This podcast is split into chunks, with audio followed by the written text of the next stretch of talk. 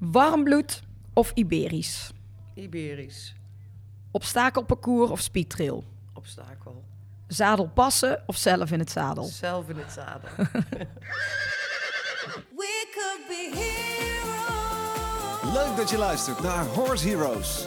De podcast waarin Floor Schoenmakers van EHS Communications in een persoonlijk gesprek gaat met een hippische ondernemer. Elke week kun je luisteren naar interviews met één of meerdere gasten. Of meeluisteren naar de belevenissen tijdens hippische evenementen in de Horse Heroes Specials. We gaan beginnen.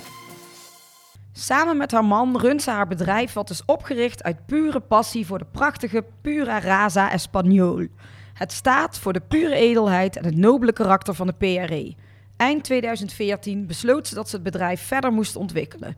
Samen met haar man zijn ze op zoek gegaan naar Spaanse ambachtelijke zadelmakers om prachtige handgemaakte ruitersportartikelen te gaan importeren uit Spanje. Inmiddels is ze omgeschoold naar NSFC zadelpasser en heeft ze zich gespecialiseerd in de korte, vaak moeilijke ruggen van de PRE. Met haar bedrijf biedt ze verschillende exclusieve zadels, kleding, Portugese bitten, hoofdstellen en nog veel meer aan voor working equitation, dressuur en recreatie. Ze is een fanatieke promotor en sponsor van working equitation in Nederland en heel veel te vinden op evenementen.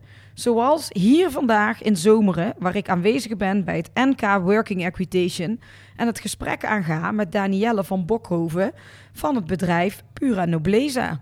Goedemiddag, Danielle. Goedemiddag, Floor. En welkom in de podcast.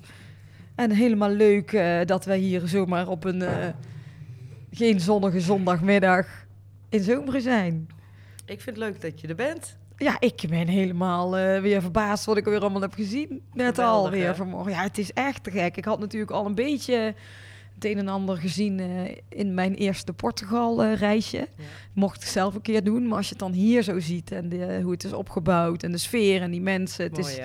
het is totaal weer anders. Ja, maar er zit een hele mooie organisatie achter ook. En eh, ik heb het eh, parcours net even bekeken en dat, is, oh, dat is ook weer geniaal bedacht. Er zitten zulke, zulke leuke obstakels in en kleine, kleine details. Eh, ik word er wel weer blij van. Ja, en jij bent een enorme working equitation fan, hè? Ja, ben ik echt van het eerste uur. Althans voor mij dan van het eerste uur. Hè? Want het bestaat natuurlijk wel al eh, behoorlijk wat jaren in Nederland. Ehm, ik ben vanaf 2015 echt... eh, nou ja, ik, ik, eh, ik ben helemaal om. Helemaal ik vind om. het fantastisch. Ja, echt. Ja, want ik heb eh, mijn kennis zit voornamelijk eh, bij het springen, dressuur en weet je, fokkerij, allemaal Ja. dat soort dingen. Dat working equitation is vrij, het is nog vrij onbekend bij veel Exact. mensen. Ja.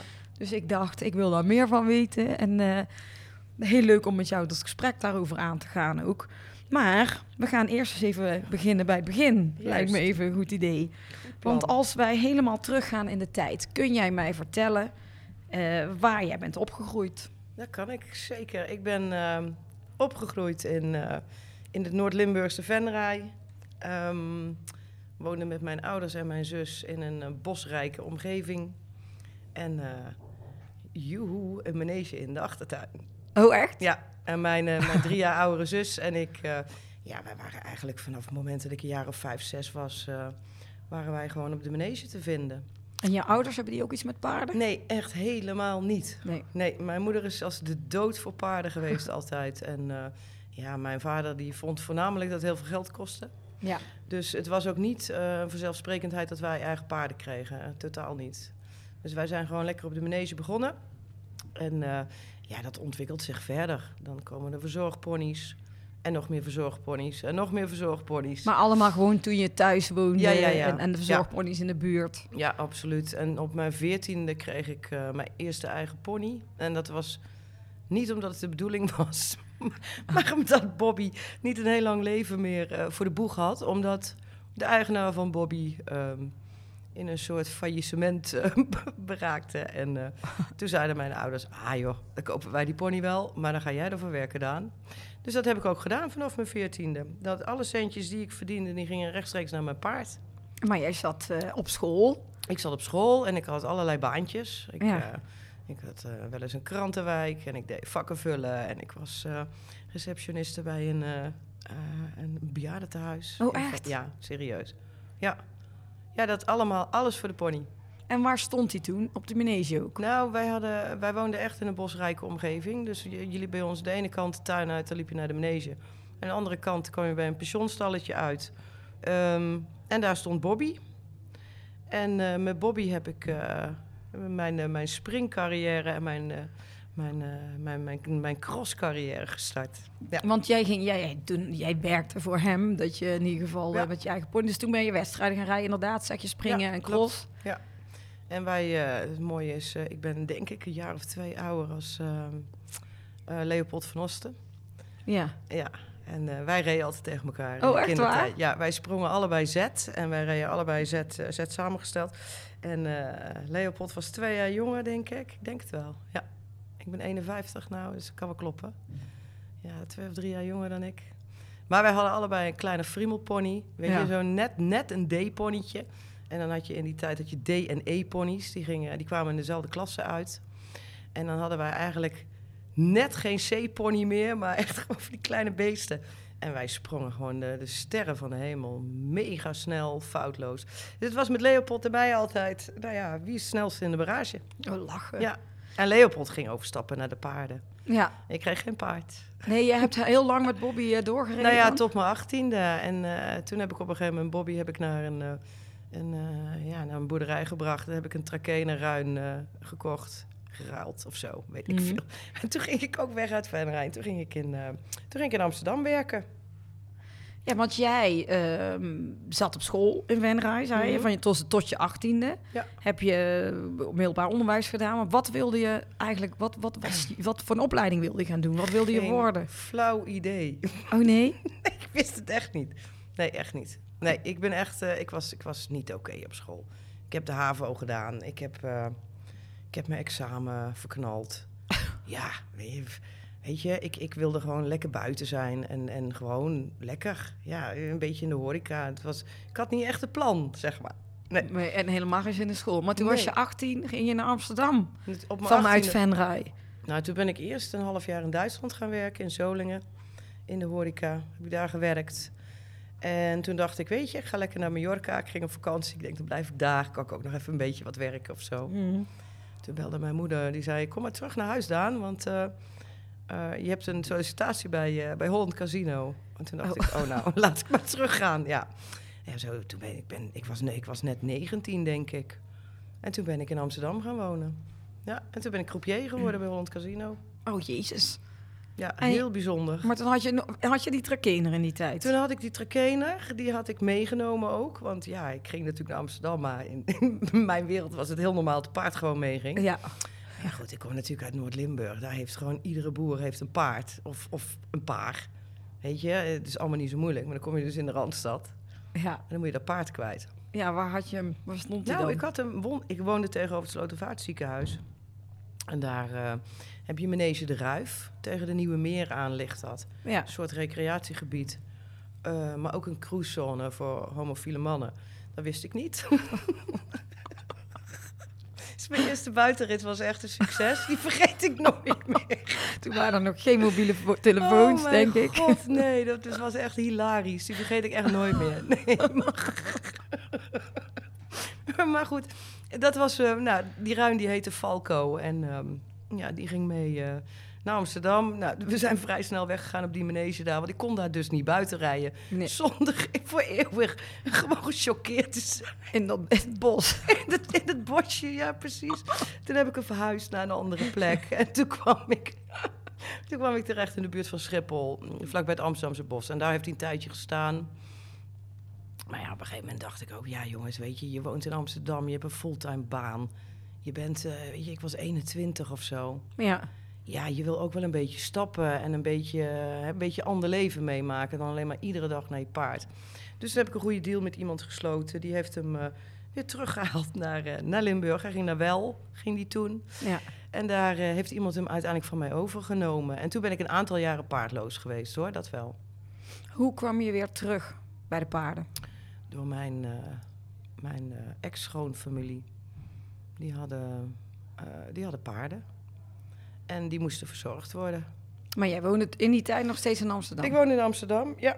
En mijn, eh, ik had een relatie met iemand uit Purmerend. En zijn ouders hadden wat paarden verzameld, links en rechts. En eh dat was wel heel leuk als... eh, ze hadden een aantal zonen, hadden ze ook, en één dochter. Het was leuk als de zonen wat paardenmeisjes zouden verzamelen. En dan werden de paarden verzorgd. Nou, ja, dat was Danielle, die kwam dat gewoon doen. Ja. ja. Dus dat was leuk. Ik ben daar, eh, daar ben ik wel een beetje de dressuursport mee ingegaan.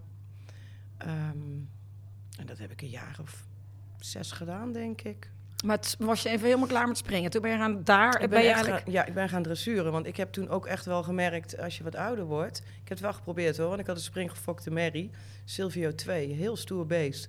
Ehm, alleen, ik was natuurlijk een aantal jaren ouder geworden zelf ook. Hmm. En springen op een, eh, op een, op een kleine pony eh, is toch wat anders dan springen met een, met een grote KWPN. Ja. En je werd wat ouder. Dus ik- weet je, ik sprong met die pony 1,20, 1,30. Dat deed hij gewoon. En dan zit je op een KWPN en dan denk je 60 centimeter. Hou op man, dat is hartstikke hoog. ja. Dus dat was het niet. Nee, nee. Dus toen ben ik maar een beetje gaan dressuren. Ja. Maar ben je toen ook weer wedstrijden gaan rijden? Ja, ben ik gewoon dressuurwedstrijden gaan rijden. Maar het is niet helemaal mijn ding. Eh, ik kom uit, weet je, ik ben opgegroeid in Noord-Limburg. En dat zal je in Brabant ook zien. In de ponytijd ging iedereen met elkaar op Ja, wedstrijd. Met die car, hup. Je ging met z'n allen op de Ja. vrachtwagen. Iedereen ging mee. Je bleef de hele dag. Iedereen ging elkaar helpen. Ja. Was echt, was echt saamhorigheid en elkaar helpen. En dan kom je in een, kom je in, eh, in Noord-Holland kom je op een dressuurwedstrijd. En dan ben je dus gewoon helemaal alleen. Ja. Weet je? Dat is, ja, dat is toch een beetje een. Dat was een beetje cultuurshock voor mij. Ja, dressuurwereld, ja.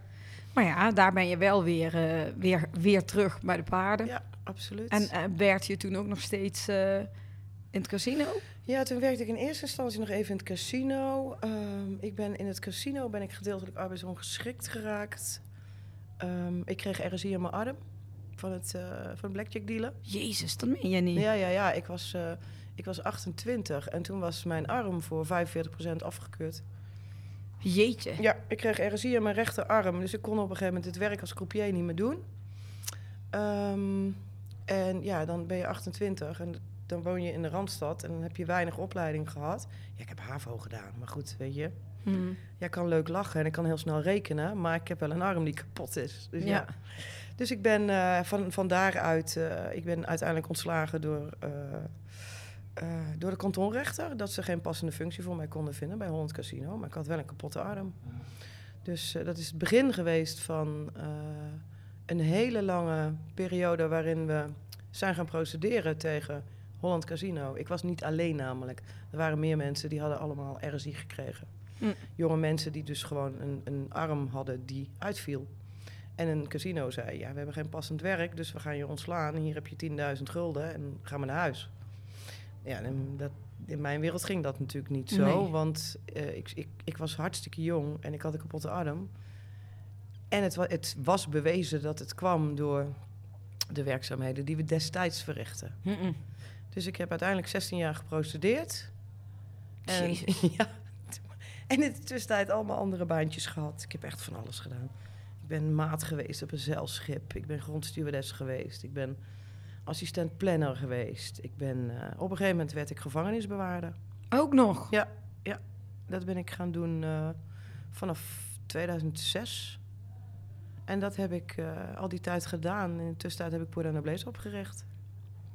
Gevangenis. Jezus, ik Ja. weet even niet welk verhaal ik allemaal wil horen. Ja, je wil, wil alles, alle je wil verhalen heel horen. veel horen van mij. Maar je zei me. net, je Ja. hebt 16 jaar geprocedeerd. geprocedeerd en gewonnen. Ja, uiteindelijk, Uiteindelijk. heb ik een schikking. Eh, zijn we middels mediation. eh, is er een schikking uitgekomen. Je, moet je voorstellen. ehm, in de periode vanaf 1996 heb ik het dan over. Zijn er denk ik zo'n. Nou, tussen de 20 en de 30 personeelsleden bij Holland Casino uitgevallen. Ja. Vanwege klachten en bewegingsapparaat. Daarvan was ik er één. En in de loop der jaren zijn er heel veel mensen gewoon eigenlijk een soort van afgevloeid. Eh, hadden geen kracht meer om verder te procederen. hadden er geen zin meer in. Ehm, wij zijn uiteindelijk met zo'n 13 man zijn wij ondersteund door de vakbond. Die hebben ons juridisch ondersteund. Daarvan zijn er vijf uiteindelijk doorgegaan tot het allerlaatst. Daarvan was ik er één. En die vijf hebben allemaal een schikking gekregen. Ja.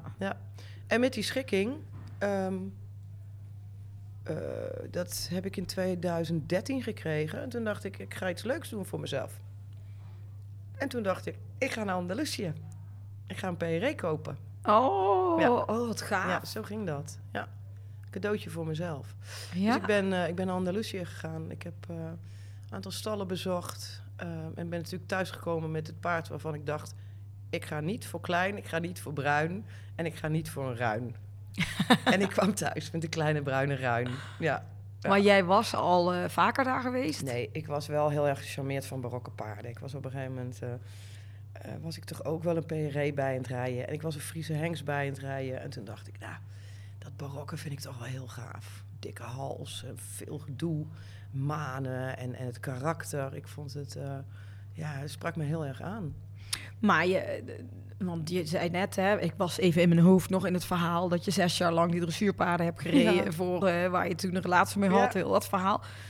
Daarna ben je weer ergens naartoe verhuisd. Toen ben ik in Amstelveen terechtgekomen. Eh dat, dat, dat, is, dat is mijn relatie, dat is, eh, dat is Bart. Daar ben ik mee getrouwd. Ja.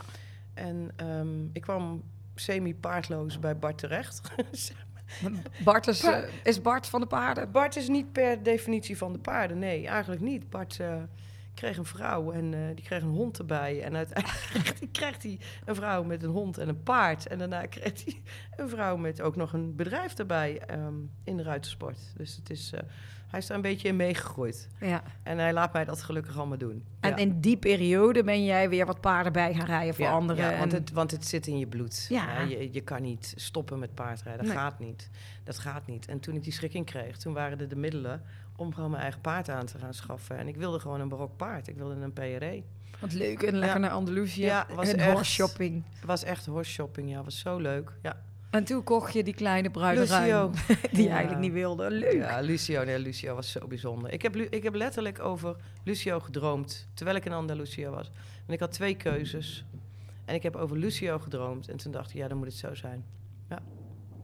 En met de komst van Lucio is gewoon alles anders geworden. Ja, vertel.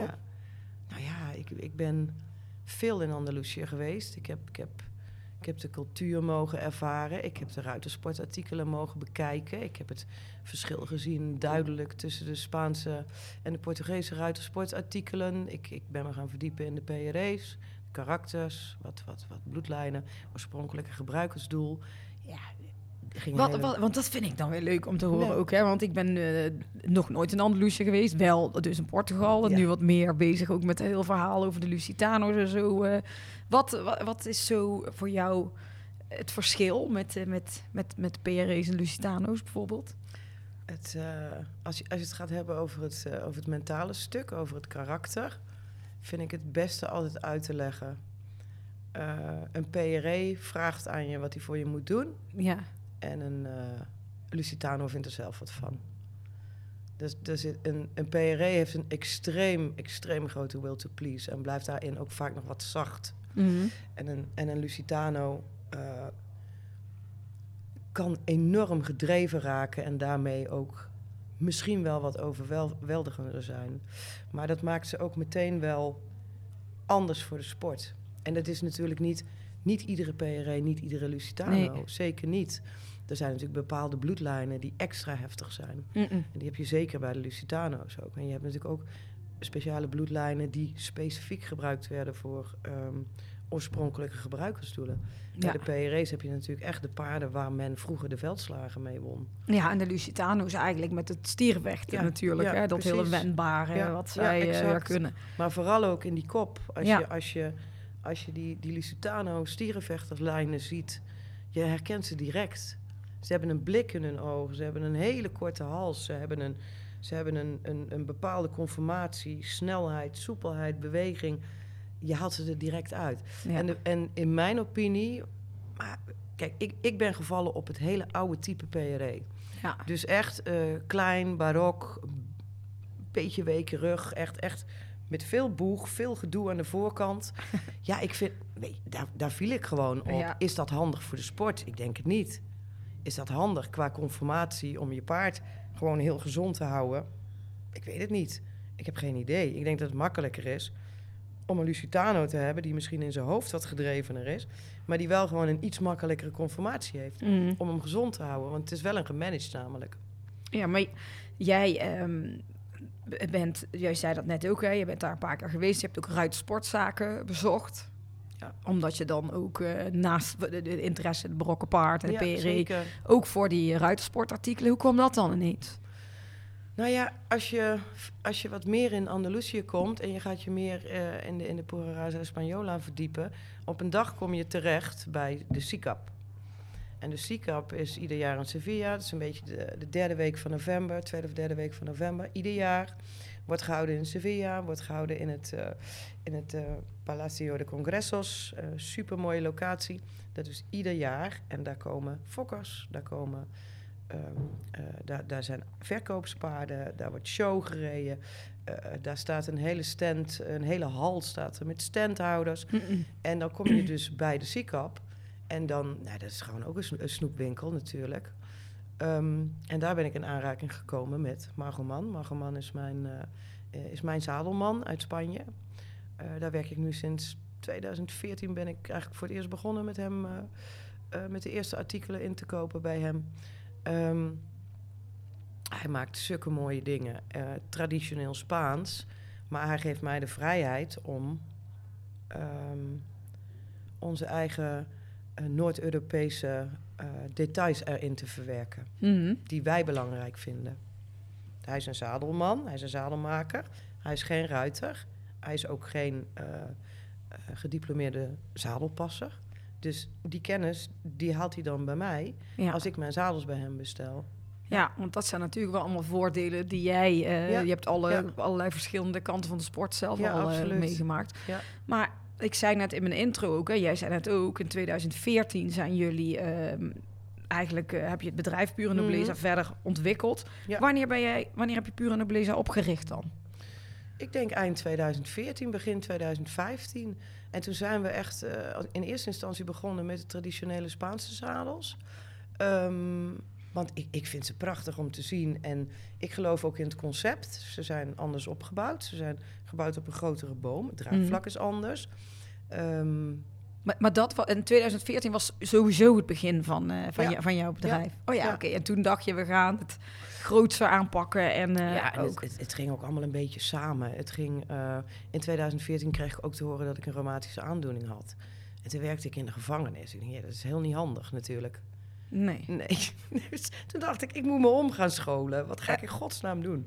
En ook paarden kijken wat je allemaal hebt gedaan. Ja, ik heb best veel gedaan. Ja. Maar ik heb ook heel veel hele leuke dingen gedaan. Ja, ik heb ook best wel wat meegemaakt, dat is waar. Maar ehm, toen ben ik, eh, ik ben een opleiding zadelpasser gaan doen. Ik denk, weet je, ik kan wel zadels uit Spanje gaan laten komen. Ja. Maar ik wil wel gewoon eh, die stempel op mijn website. Ik wil gewoon dat diploma in mijn zak. Maar het is eh, MSFC zadelpassen, waar ik dus weer over Master struikel. Saddle Fitting Consultant. Oh, dat is het chique woord. Dat is het chique. Ik ben, ik ben saddle consultant. saddle consultant. Ja. Ook al, je bent alles. Leuk. Leuk hè? Ja, maar jij hebt, eh, jij hebt, die, hebt die samenwerking, hè, wat je net zei, Ja. ehm, met, eh, die, met die hele bijzondere manier in, eh, in Spanje, die jou helpt met die zadels. Margoman, Margoman. Ja. En jij hebt je eigen twist aan die zadels een beetje gegeven. klopt. Wat, eh, noem eens een voorbeeld. Zonder al mijn ge- bedrijfsgeheimen te openbaren, nee hoor. Oh ja, Nee, weet je wat het is? Kijk, eh, hij, hij maakt zadels en hij kijkt naar de conformatie van het paard. Maar hij Mhm. ziet de paarden natuurlijk niet die ik opmeet. Dus hij is afhankelijk van de informatie die ik eh, hem doorstuur.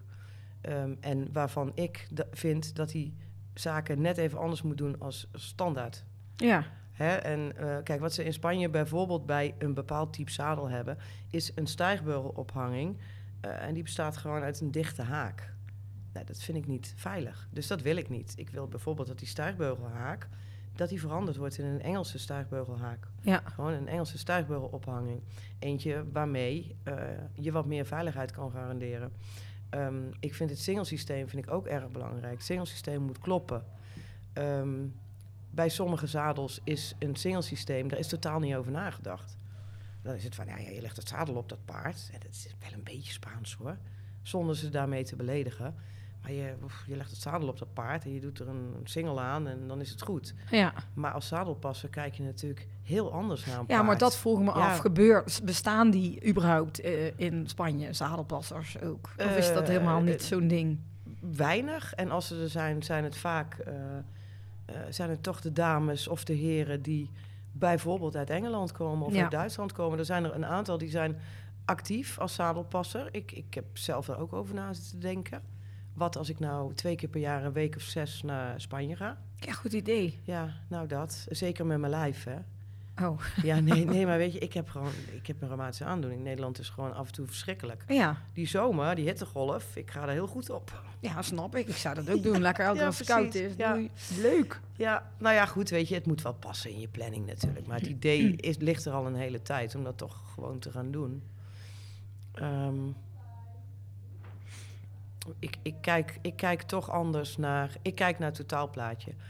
Kijk, Margeman maakt in zijn fabriek... Hij maakt de boom, hij maakt de kussens, hij maakt het zadel. Hij, Hmm. hij maakt het, het eindproduct.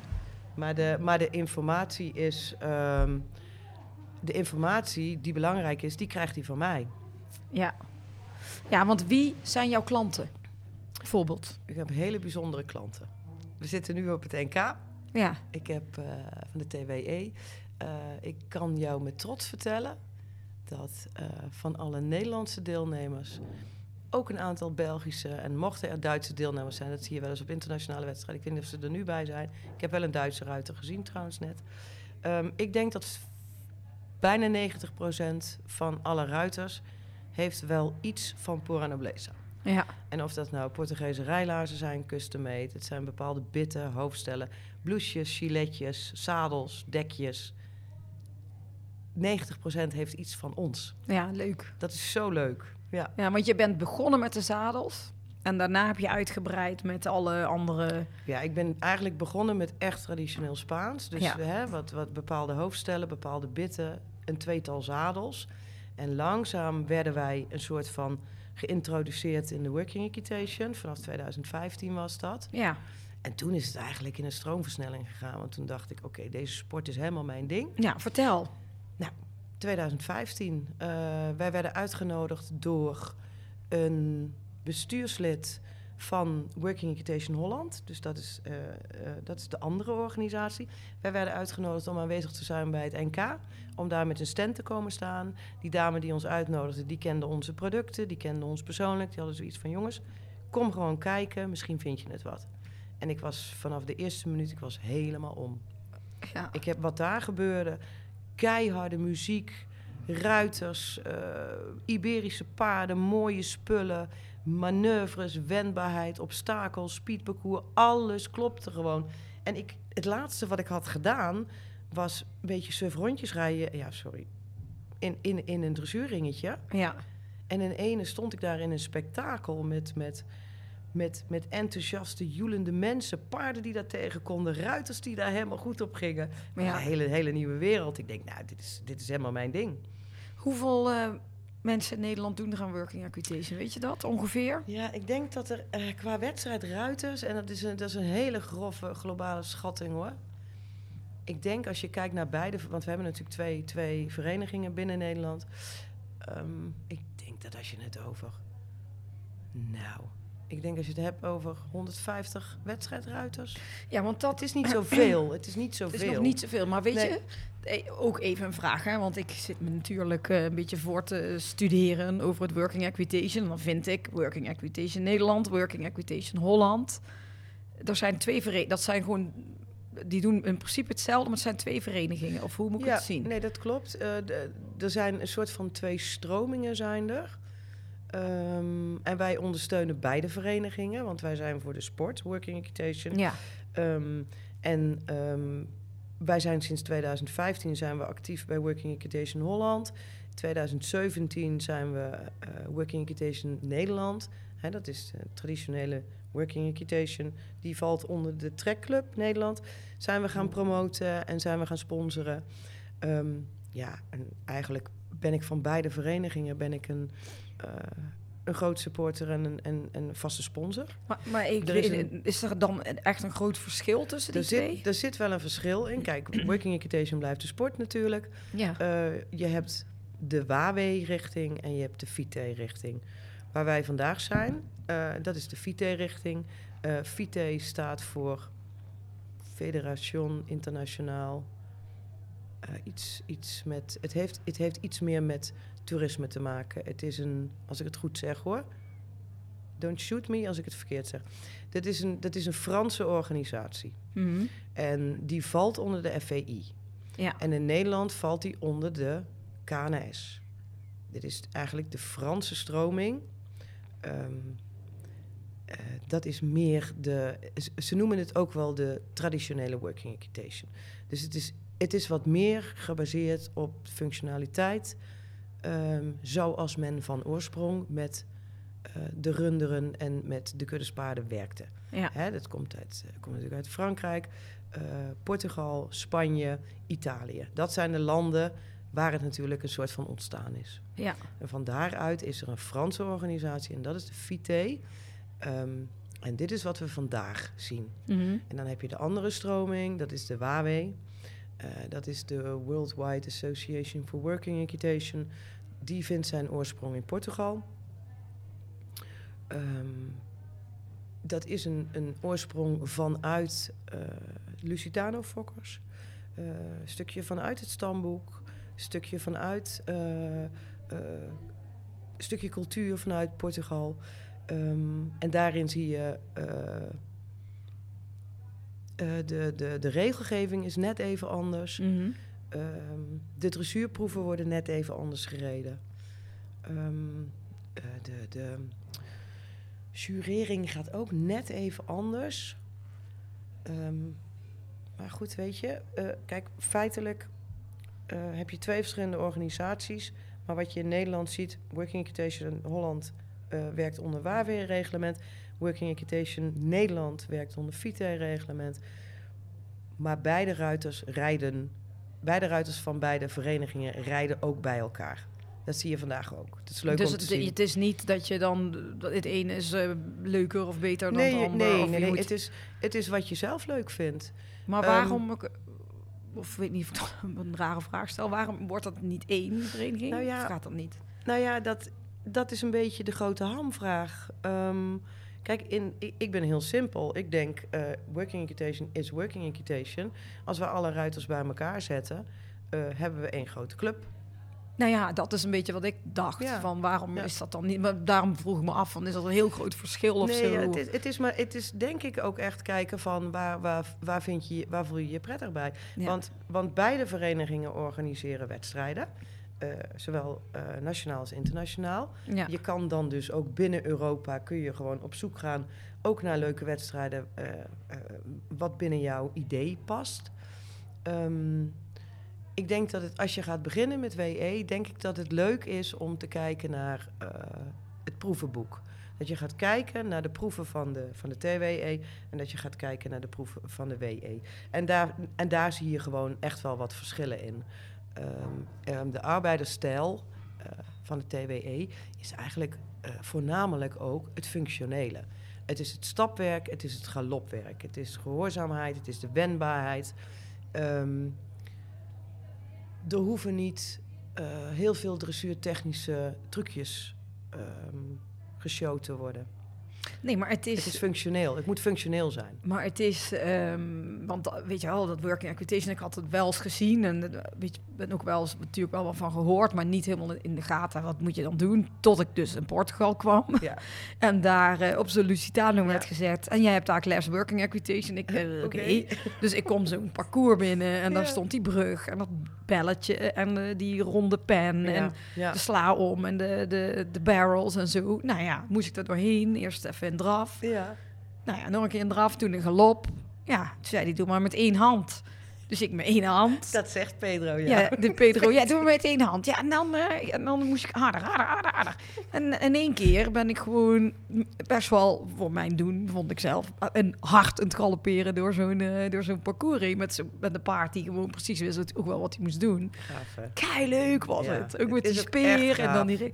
Maar Ja. ik dacht, eh, het is het is ook wel echt heel leuk. Maar waarom, eh, wat, wat is, de, is dit een beetje, waar stamt het dan vanaf, zeg maar, dat working equitation? Want die oefeningen, waarom moeten die paarden dit zo eh, Ja, doen? het, het stamt natuurlijk af van het werken op het land. ja. Working equitation. ja, nou, dat is echt de letterlijk waarom ja. dat eh, zo... Het is, het is, het is werkend, werkend paardrijden eigenlijk. Ja. Het, is- het komt natuurlijk uit, uit Spanje, Portugal, Italië en, en, en Frankrijk. De Camargue. Eh, ehm, in, in, in Spanje heb je natuurlijk heb je de, heb je de, de Doma Vaquera-ruiters. Doma Vaquera is het werken met de koeien, de wakka's. Dat, zijn de, dat zijn de koeien. Dus het is het werk met de koeien. Die mannen gaan natuurlijk in een team gaan ze de campo in. En zij gaan dan een kudde stieren verplaatsen of een, een kudde paarden verplaatsen. Ehm, dan moet je dus een paard hebben die scherp aan de hulpen is, maar wel cool in zijn hoofd is. ja. En je hebt je garrocha heb je in je hand. ja, die speer. Dus dat betekent dat je als je rechtshandig bent, heb je je garrocha in je rechterhand en je hebt links heb je je teugels. ja. Dat is wat je hebt. Maar je komt ook nog allerlei obstakels tegen. Want je, je bent namelijk een aantal dagen onderweg. Het, of je bent een hele dag onderweg. Je gaat niet even, ik ga even 20 minuten een koe ophalen. Nee, je bent gewoon, je bent aan het werk op je paard. En daar is eigenlijk uiteindelijk dit... De Camargue-paarden uit Frankrijk, die Ja. worden ook op die manier... Je, ken je de formatie van de Camargue? Dat, ze, dat de ruiters, de cowboys zeg maar... Ja, cowboys, eh, niet in... Nou goed, oké, je snapt wat ik bedoel. Ja. De ruiters rijden in een ruitvorm. Ja. Rijden ze vanaf de Camargue, rijden ze richting Egamorte, is zo'n stadje. Eh, dan brengen ze de paarden, of, of hoe heet het, dan brengen ze de stieren van A naar B. En dan rijden de ruiters in een ruitvorm. En daartussenin zitten al die zwarte stieren. En die Oh. gaan dan zo door het dorp heen en over het strand heen. Het is waanzinnig. Maar dan moet je dus een paard hebben wat gewoon ehm cool in zijn hoofd is, Ja. wendbaar is, die niet zomaar gaat rennen voor iets. Dus je stelt ook wel eisen aan je paard. Hè? Ehm, een working equitation paard eh, is echt een werkpaard. Het Maar- is een. Het, ja. Ja, maar, maar als je dan zegt, hè, want wat zijn dan typische working equitation paarden? Toch vaak weer de Iberische, denk Toch ik. wel weer. De, ja, de Camargue-paarden doen het ook fantastisch leuk. Ehm, als je dan gaat kijken naar de, eh, de paarden die wat hoger in de sport lopen, in de dressuursport, die zijn fantastisch ook voor working equitation. En die worden eigenlijk in hun sport nog beter. Die worden in hun, bijvoorbeeld in hun Grand Prix sport, worden ze nog beter. Waarom? Omdat ze het zo leuk vinden. Ja, want ze vinden het, het Ze is vinden gewoon voor hun, superleuk, voor de ja. paarden leuk. Ja, die ziet ik zag het net ook wel. Het is, weet je, iedere combinatie wordt beter van working equitation. Want En als, hoe je het ook gebruikt. Maakt Ja. niet uit hoe je het gebruikt. Maar als je, als je denkt even in, in de dressuur, weet je wel, is toch altijd vaak... eh, en dat ze moeten verzamelen en dat ze, weet je wel, allemaal op de achterhand en allemaal wat harder werken. En in springen, hoog springen, snel. Ja, ja. En die working equitation, zijn er dan, is het daar meer gewoon het spelen, het wendbare en over die obstakels allemaal goed gaan? Of, of wordt je daar ook gekeken hoe, eh, hoe de houding is en zo helemaal wel? Nou, het is... ehm, zonder dat jij je paard voor elkaar hebt, Ja, kan jij geen, kan jij geen working equitation rijden. nee. Dat kan niet. Want er zijn natuurlijk, hè, het, het is onderhevig aan regelgeving. Wedstrijden, daar staan paddock officers. Die kijken hoe gebruik jij je bit, hoe gebruik jij je sporen. Ja. Ehm, op, op iedere wedstrijd wordt iedereen gecheckt als ze naar binnen gaan. En als ze naar buiten gaan, dan wordt er een paddock officer die gaat kijken: hebben we bloed? Eh, hebben we bloed bij het bit? Hebben we, zijn er plekjes bij de sporen? Dat, dat wordt gewoon heel serieus genomen. Mm. Want je kan niet door die baan heen jagen. En in die bek lopen hangen, dat kan niet. Het is bedoeld dat het een verfijndheid is. Ja, ja maar goed, ze rijden ook met één hand. Ja, Dus ja. het is al heel... eh, En je hebt al een ander bit. Ja. Hè? Maar daarom heb je ook een regelboek. Ook een regelboek. Wat staan we toe binnen welke klasse met betrekking tot bijvoorbeeld de bitten? Wat staan we toe? Wat vinden we goed, wat vinden we niet goed? En dat heb je bij beide organisaties. Als je namelijk in de, in de één gaat starten ehm, bij Working Equitation Holland, dus de, bij de WAW-reglement, ehm, dan mag jij nog helemaal... Ja, je mag met een stangbitje rijden, ehm, maar je mag zeker geen scharen. Er mag nul hevelwerking zijn. Geen kindketting, geen hevelwerking, ehm, geen tongboog. Gewoon een simpel stangbitje mag, maar het liefst eigenlijk gewoon je dressuuroptoming. Om gewoon op een normale manier te beginnen. Ja. Hè? Maar mag, kan iedereen aan working equitation beginnen? Rijden bedoel je? Ja. Mhm.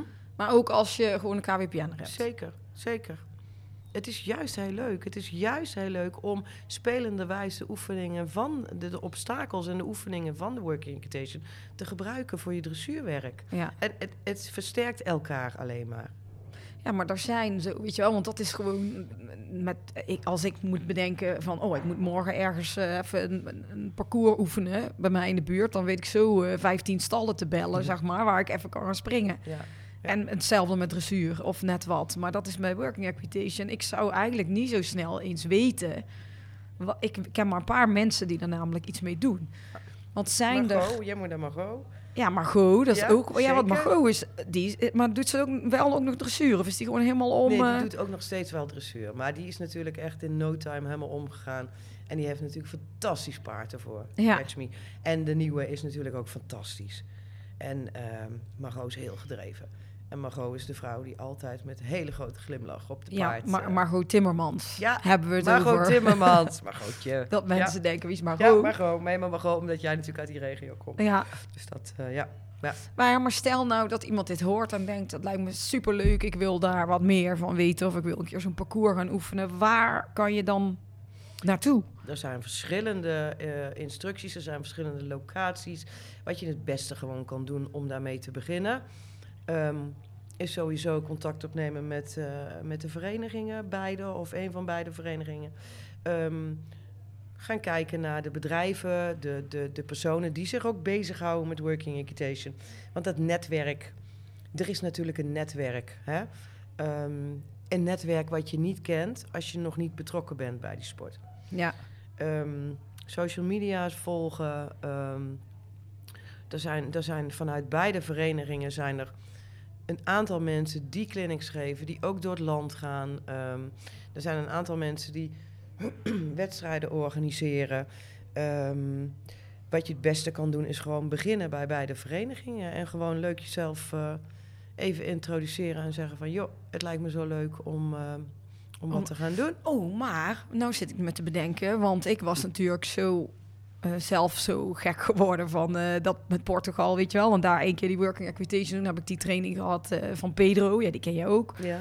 Die komt ook regelmatig naar Nederland. Geeft Klopt. hij mensen les in dressuur of working equitation. En wij zijn, ik ben met hem ook iets op aan het zetten om eh, zelf een keer ook een clinic te organiseren waar Pedro eh, les kan geven. hè, aan, ja. aan, aan een aantal. We, we hebben met Go Social al die accounts en met de business club. Ja. En dan willen we een keer iets doen te paard. Leuk. Ik denk, dan is dat leuk. Dan doen we een keer, Dat kunnen ze kiezen, dressuur of working equitation.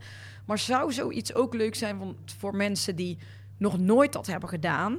ja. om dan mee te doen aan zo'n clinic. En gewoon om, weet je wel, dat Pedro zo'n training geeft... en iemand die echt nog nooit ja, zo'n parcours heeft gezien... om dat gewoon eens te proberen? Of is dat dan weer een stap te ver? Nou, het leuke van Pedro, en ik heb regelmatig geles bij Pedro. En als er iemand enthousiast is en eh, eh, gedreven, Ja, energiek en humorvol is, dan is het Pedro. Pedro is.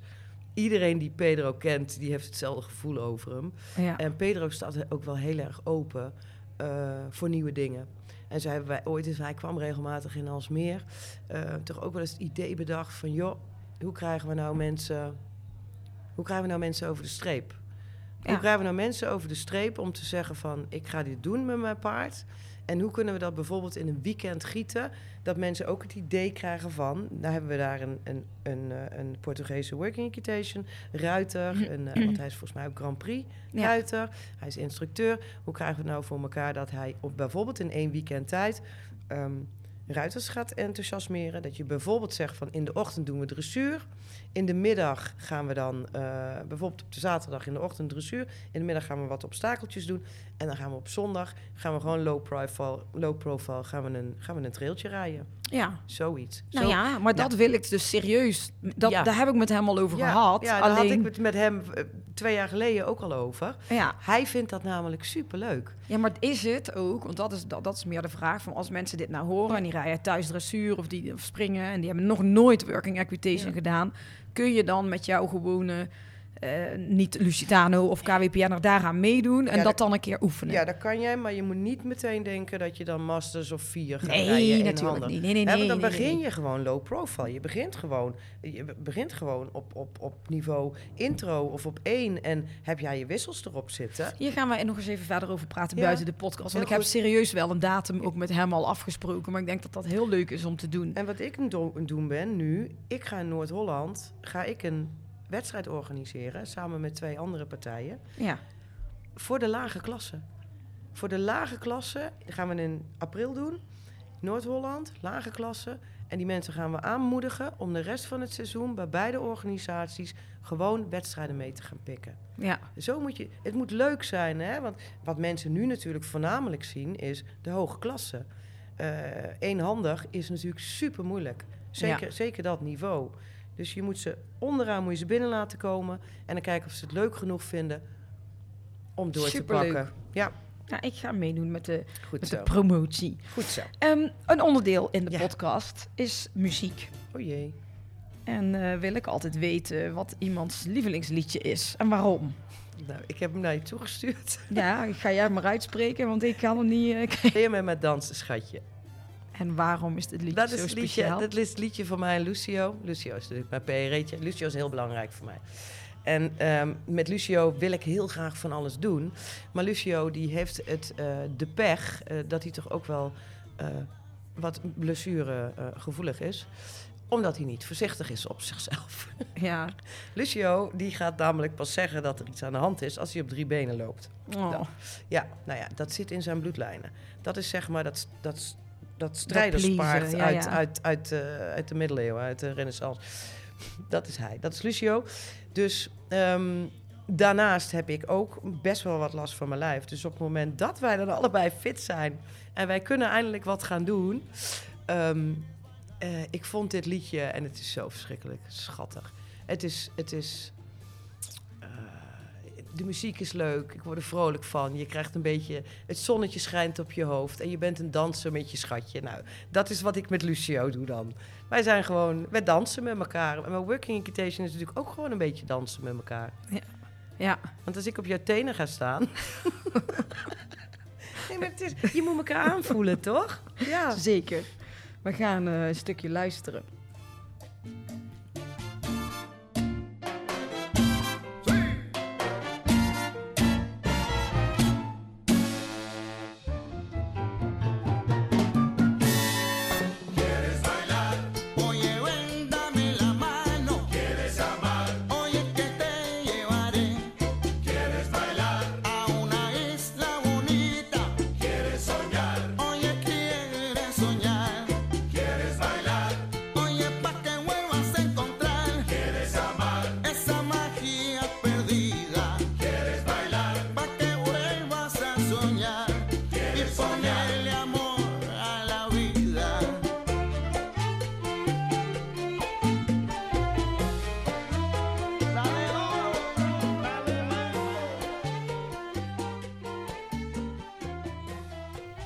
Maar Daniel, dit ging eh, over Lucio. En jullie, eh, wil je met me dansen, schatje? Jullie dansje samen. Je hebt al een paar keer gezegd eh, dat hij zo belangrijk voor je Ja. is. Vertel, vertel eens. Nou, omdat hij ook, hij is het, ehm, de reden waarom ik ehm, voor mezelf eigenlijk mijn leven kon gaan veranderen. ehm, na die 16 jaar procederen, dat is een, dat is een, dat is echt een tijdperk geweest.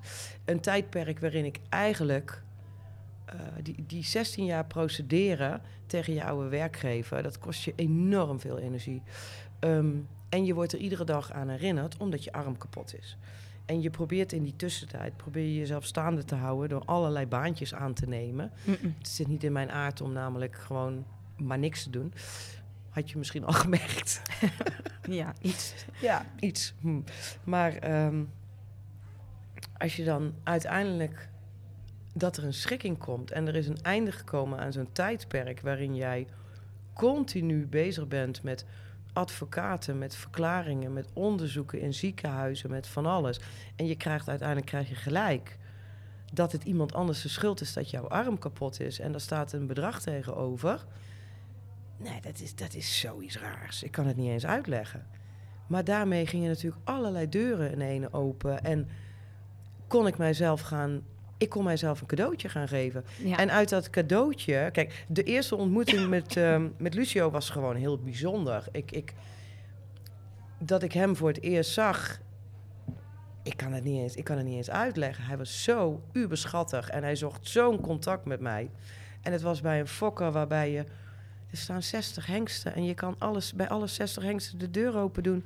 En ze komen allemaal vragen, hoi, wie ben jij? En niemand staat achter in de stal. En niemand heeft een kapotte neus van een seretta. Ik kwam bij die fokker en daar stonden 60 hengsten. Eh, en bij iedere hengst kon je gewoon de box openmaken. En dan kwam er een paard naar je toe. Niet getraumatiseerd, maar gewoon gezond, eh, eh, geïnteresseerd.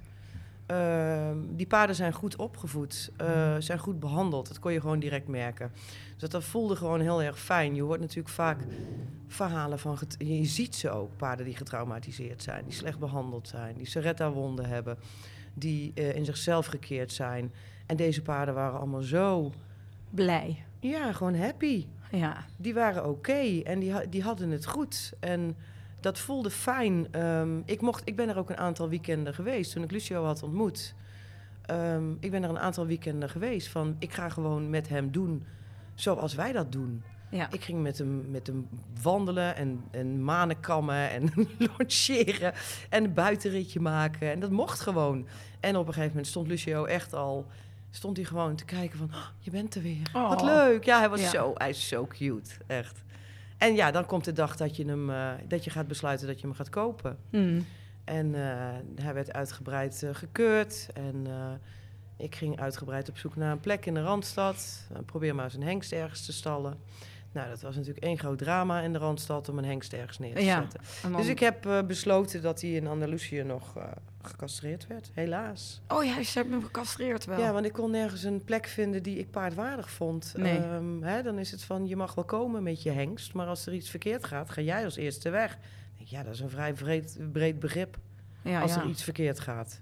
Dus ik vond dat niet prettig. Het idee om hem ergens na- naar Nederland toe te halen en hem in de stal te zetten, waar hij dan 23-7 zou moeten staan zonder sociaal contact, vond ik gewoon heel onaantrekkelijk.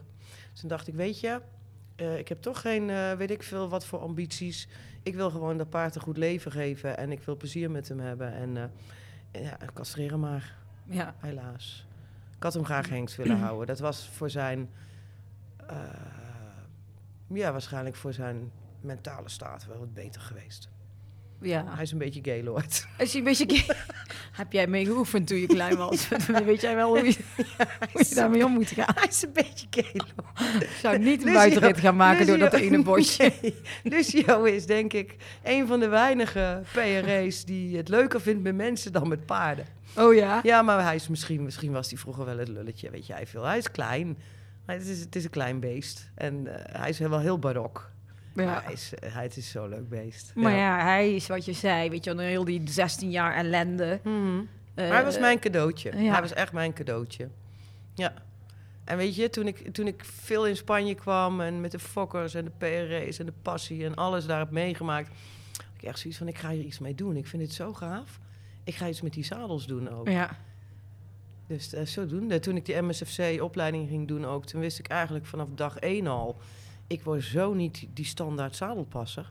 Maar ja, nu is het bijna 2023, dus je bent bijna 10 jaar nu al aan de gang. En echt fulltime, Ja. pure nobleza. Ja, ik ben in 2000. Ik werkte natuurlijk in eerste instantie bij eh, justitiële inrichtingen als gevangenisbewaarder.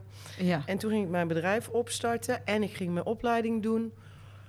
En eh, toen heb ik dat denk ik zo'n jaar of twee eh, ben ik dat fulltime gaan combineren.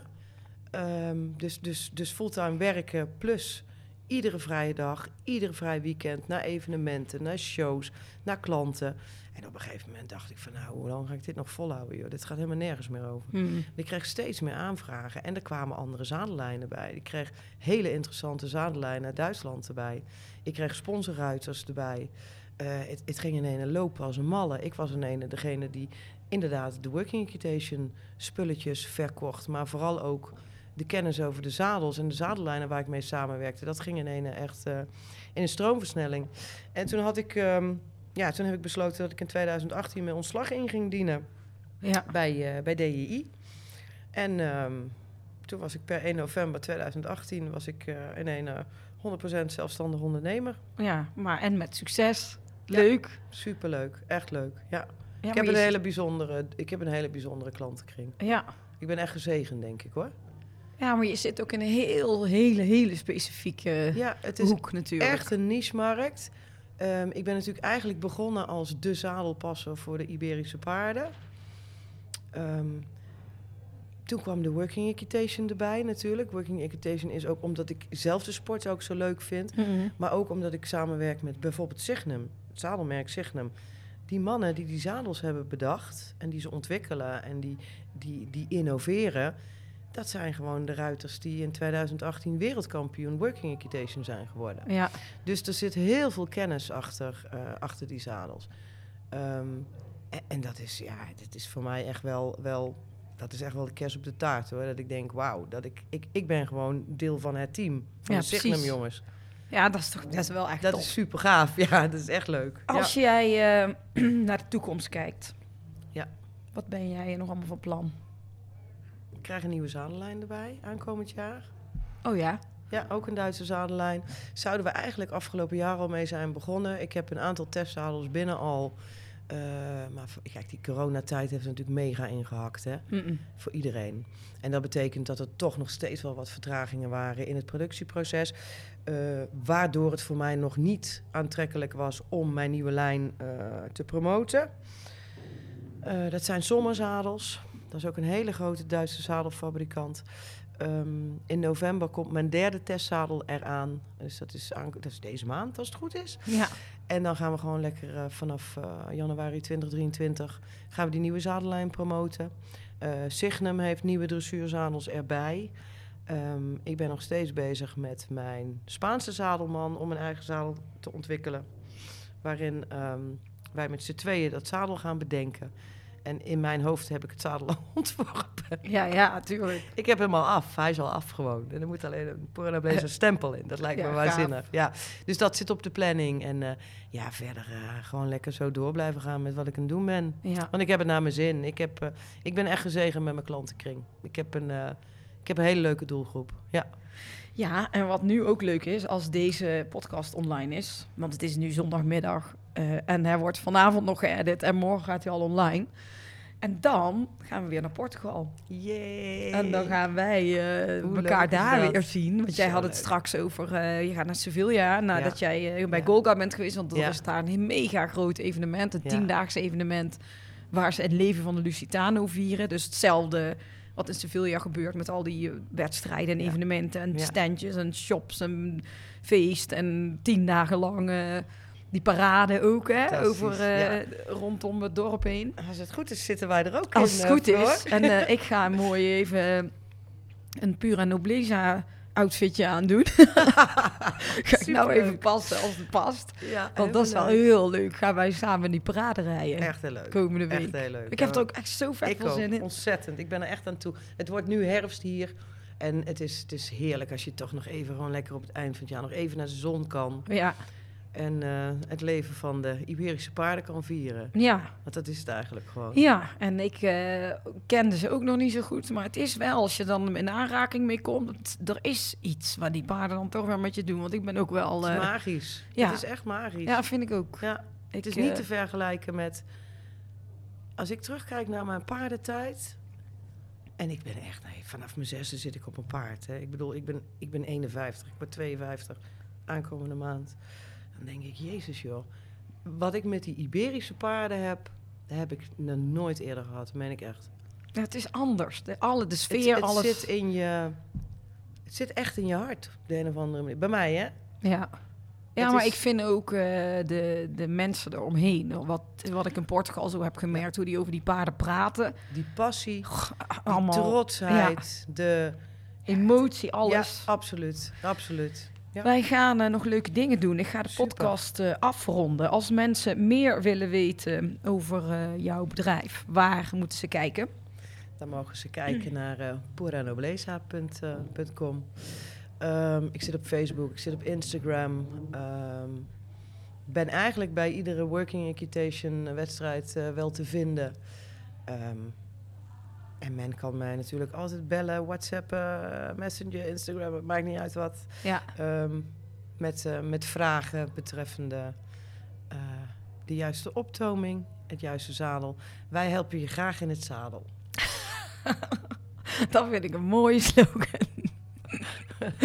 nou, ik ga ehm, eh, kleren passen. Superleuk. Dan kan ik ook in het zadel volgende Helemaal week leuk, met jou in de, in de parade. Staat je vast prachtig. En ehm, nou ja, iedereen weer super bedankt voor het luisteren. Als eh, deze podcast online komt, zijn wij bijna in het vliegtuig eh, weer naar Portugal. Helemaal leuk. Ik kijk En- er echt zo naar uit. Ja, en Ja. daar ga ik eh, weer even verder op dit onderwerp. want Vivian en Mark Hoefgen van, Ja. de, van de Paardenhoeven zijn ook daar. En zij zijn natuurlijk heel talentvolle working equitation ruiters. Dus ik ga met hun in gesprek terwijl wij eh, in, eh, in Portugal zijn. Nou, heel veel zin in. Superleuk. En wordt vervolgd, want Ja, we gaan het ook ja. nog even hebben over die clinic. Want ik denk dat dat leuk. super leuk is. Dat denk ik echt, ja. Dat denk ik echt. En Pedro, is, is, Pedro is, is, staat voor heel veel dingen open. We gaan hem eh, Ja. aan zijn jasje trekken. Helemaal leuk. Gaan we doen in Golga. Yes. Iedereen bedankt weer voor het luisteren. Ik hoop dat jullie het leuk vonden. Even een heel ander onderwerp dan wat het normaal is. We gaan, ik vind het toch wel leuk om ietsje meer andere sporten ook eh, daarover te vertellen. En working equitation is echt heel leuk. Dus hier komt nog iets meer over. En eh, bedankt voor het luisteren.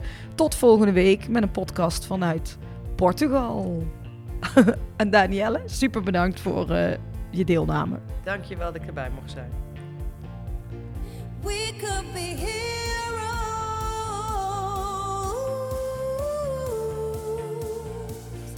Dit was hem weer, de Horse Heroes podcast. Wil je meer weten over Floor, haar bedrijf of deze podcast? Kijk dan even op de website van ehscommunications.nl. En wat je ook zeker even moet doen, is je abonneren op deze podcast om geen enkele aflevering te missen. Het zou helemaal top zijn als je dan meteen een beoordeling achterlaat. Tot volgende week! We could be